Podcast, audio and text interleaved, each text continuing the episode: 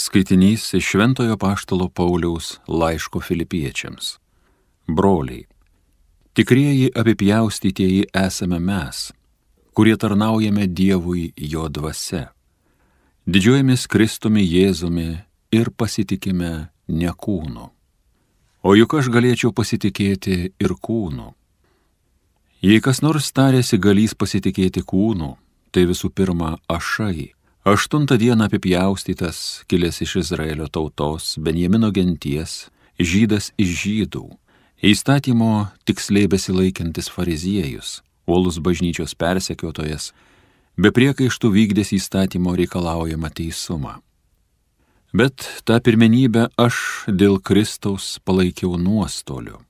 O taip, aš iš tikrųjų visą laikau nuostoliu, palyginus su Kristaus Jėzaus mano viešpaties pažinimo didybę. Tai Dievo žodis.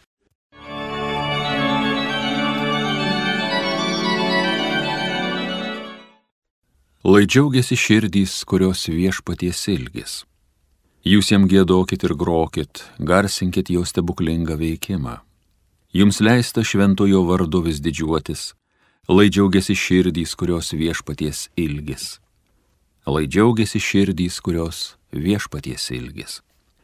Žvelkit į viešpatį, į jo galybę, jo veidą išvysti, vis trokškit.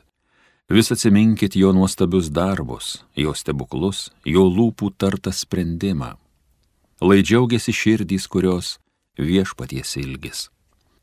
Jūs jo tarnai, Abraomo inyje, jūs jo rinktiniai, Jokūbo vaikaičiai. Dievas yra mums patsai viešpats visą pasaulį valdo jo galingasis žodis. Lai džiaugiasi širdys, kurios viešpaties ilgis. Alleluja, alleluja, alleluja.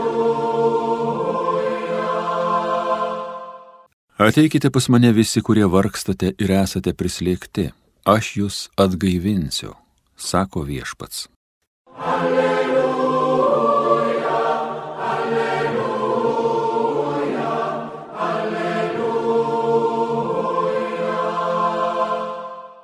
Pasiklausykite Šventojios Evangelijos pagal Luką. Pas Jėzų rinkdavosi visokie muitininkai ir nusidėjėliai, jo žodžiu pasiklausyti. O fariziejai rašto aiškintojai murmėdavo, sakydami, šitas priema nusidėjėlius ir su jais valgo. Tuomet Jėzus pasakė jiems palyginimą kas iš jūsų turėdama šimtą avių ir vienai nuklydus, nepalieka dikumoje devyniasdešimt devynių ir neieško pražuvusios, koliai suranda. Radęs su džiaugsmu dedasi ją ant pečių ir sugrįžęs namo susikviečia draugus bei kaimynus, sakydamas, džiaukitės draugė su manimi radau savo pražuvelę avį. Sakau jums, taip ir danguje bus daugiau džiaugsmo dėl vieno atsivertusi nusidėjėlio negu dėl 99 teisiųjų, kuriems nereikia atsiversti. Arba kuri moteris, turėdama dešimt drachmų ir vieną pametusi, neužsidega žiburio, nešluoja namų ir rūpestingai neieško, koliai suranda. Radusi, jis susivadina draugės bei kaimynės ir sako, džiaukitės su manim, nes radau drachmą, kurią buvau pametusi. Sakau jums, šitaip džiaugiasi Dievo angelai dėl vieno atsivertusio nusidėjėlio. Tai viešpaties žodis.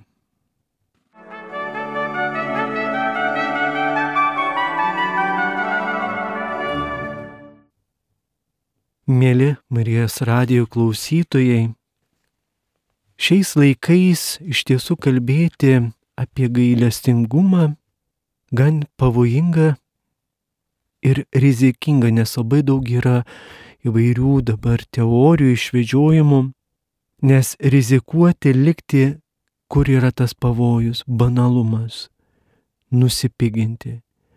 O ir pati savoka yra tapusi paklodė, kurią kiekvienas tempia į savo pusę, kaip yra patogiau ir stengiasi pateisinti, ką nori, tačiau kaip kitaip neįmanoma paaiškinti keisto jo veikimo būdo. Mėly brangieji Marijos radijo klausytojai, jokia homilija ar teologinis traktatas neįstengs atskleisti šio nuostabaus Dievo slėpinio. Mes visada norėsime arba susiaurinti gailestingumą, arba jį išplėsti. Tačiau nei vienas, nei kitas būdas nėra brangiai teisingas. Apaštalas Paulius teisingiausiai išvelgia Dievo veikimo logiką. Štai ką jisai sako. Kristus Jėzus atėjo į pasaulį gelbėti nusidėlių, kurių pirmasis esu aš. Manęs buvo pasigailėta. Šis nuostabiaus šūksnis turėtų lydėti visą mūsų gyvenimą, mano gyvenimą. Nesvarbu, kiek ir kaip buvau nuklydęs, bet jo brangiai gailestingumas stiprina mane ir gydo, stiprina mano to sužeistumą. Iš tiesų nesu geresnis už kitus, tik gailestingosios Dievo meilės dėka su kas esu. Juk nėra pagrindo girtis, tikrai bei didžiuotis nei vienam, nes kaip apaštalas Paulius sako, kas tarė stovis, tai žiūri, kad nenupultų. Viešpats yra kaip toji moteris iš palyginimo, kol tol nenurimsta, kol nesuieško pamesto pinigo, drachmo. Dievui nei vienas nėra pražuvęs ar nurašytas. Jis visuomet pasirengęs mūsų atrasti ir išgelbėti iš bet kurios situacijos. Jis pirmiausiai parodo tą meilę ir gailestį. Jis pirmą žingsnį daro, Dievas visada pirmiau tą daro. Mes kartais pritingėme ir nebesugebam, ai gal čia rytoj nueisiu prie klausyklos. Ne. Ir štai kyla klausimas, ir ką aš su tuo darau? Toks klausimas turėtų kilti visą tai suvokus. Ir ką aš su tuo darau? Gailestingumas išlyjimas tam, kad nusidėlis keistusi, o neliktų nusidėlių. Brangieji, nebijokite ateiti prie klausyklos, nebijokite šauktis viešpatie pasigailėk manęs nusidėlių. Paklydusi vis parnešama į atvarą, dingusi drachma surandama, sunus priima tėvo gailestingumą. Visada yra nauja situacija. Dievas perkeičia.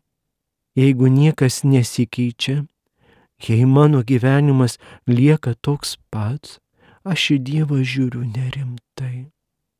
Tiksliau sakant, save laikau Dievu, kuris žino, kas jam geriausia. Šventajame rašte yra ir kitų dievų žodžių. Mėginome Babiloną gydyti, bet jis nepagydomas. Tegul mums nebūna taikomi šie žodžiai Mėly Marijos radijo klausytojai, tegul šie Evangelijos žodžiai padrasina ir persmelkia nebijoti keisti. Keisti ir atrasti tą grožį. Daug šventųjų liudijo. Štai vienas iš didžiausių pavyzdžių, tai ką parodo šventasis tėvas Pijus iš Pietrečino kapucinas. Kiek žmonių plaukdavo į San Giovanni Rotondo prie klausyklos.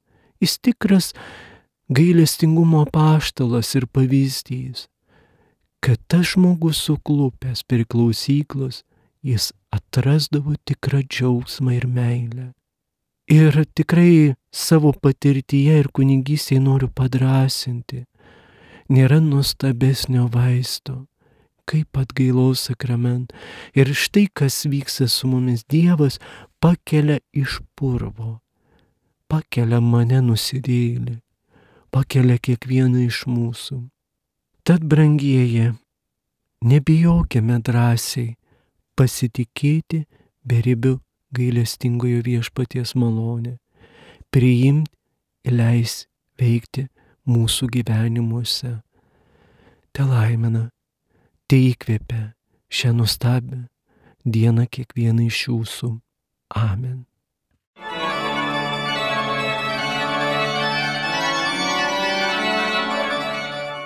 Homilyje sakė brolis pranciškonas kunigas Rolandas Taučius.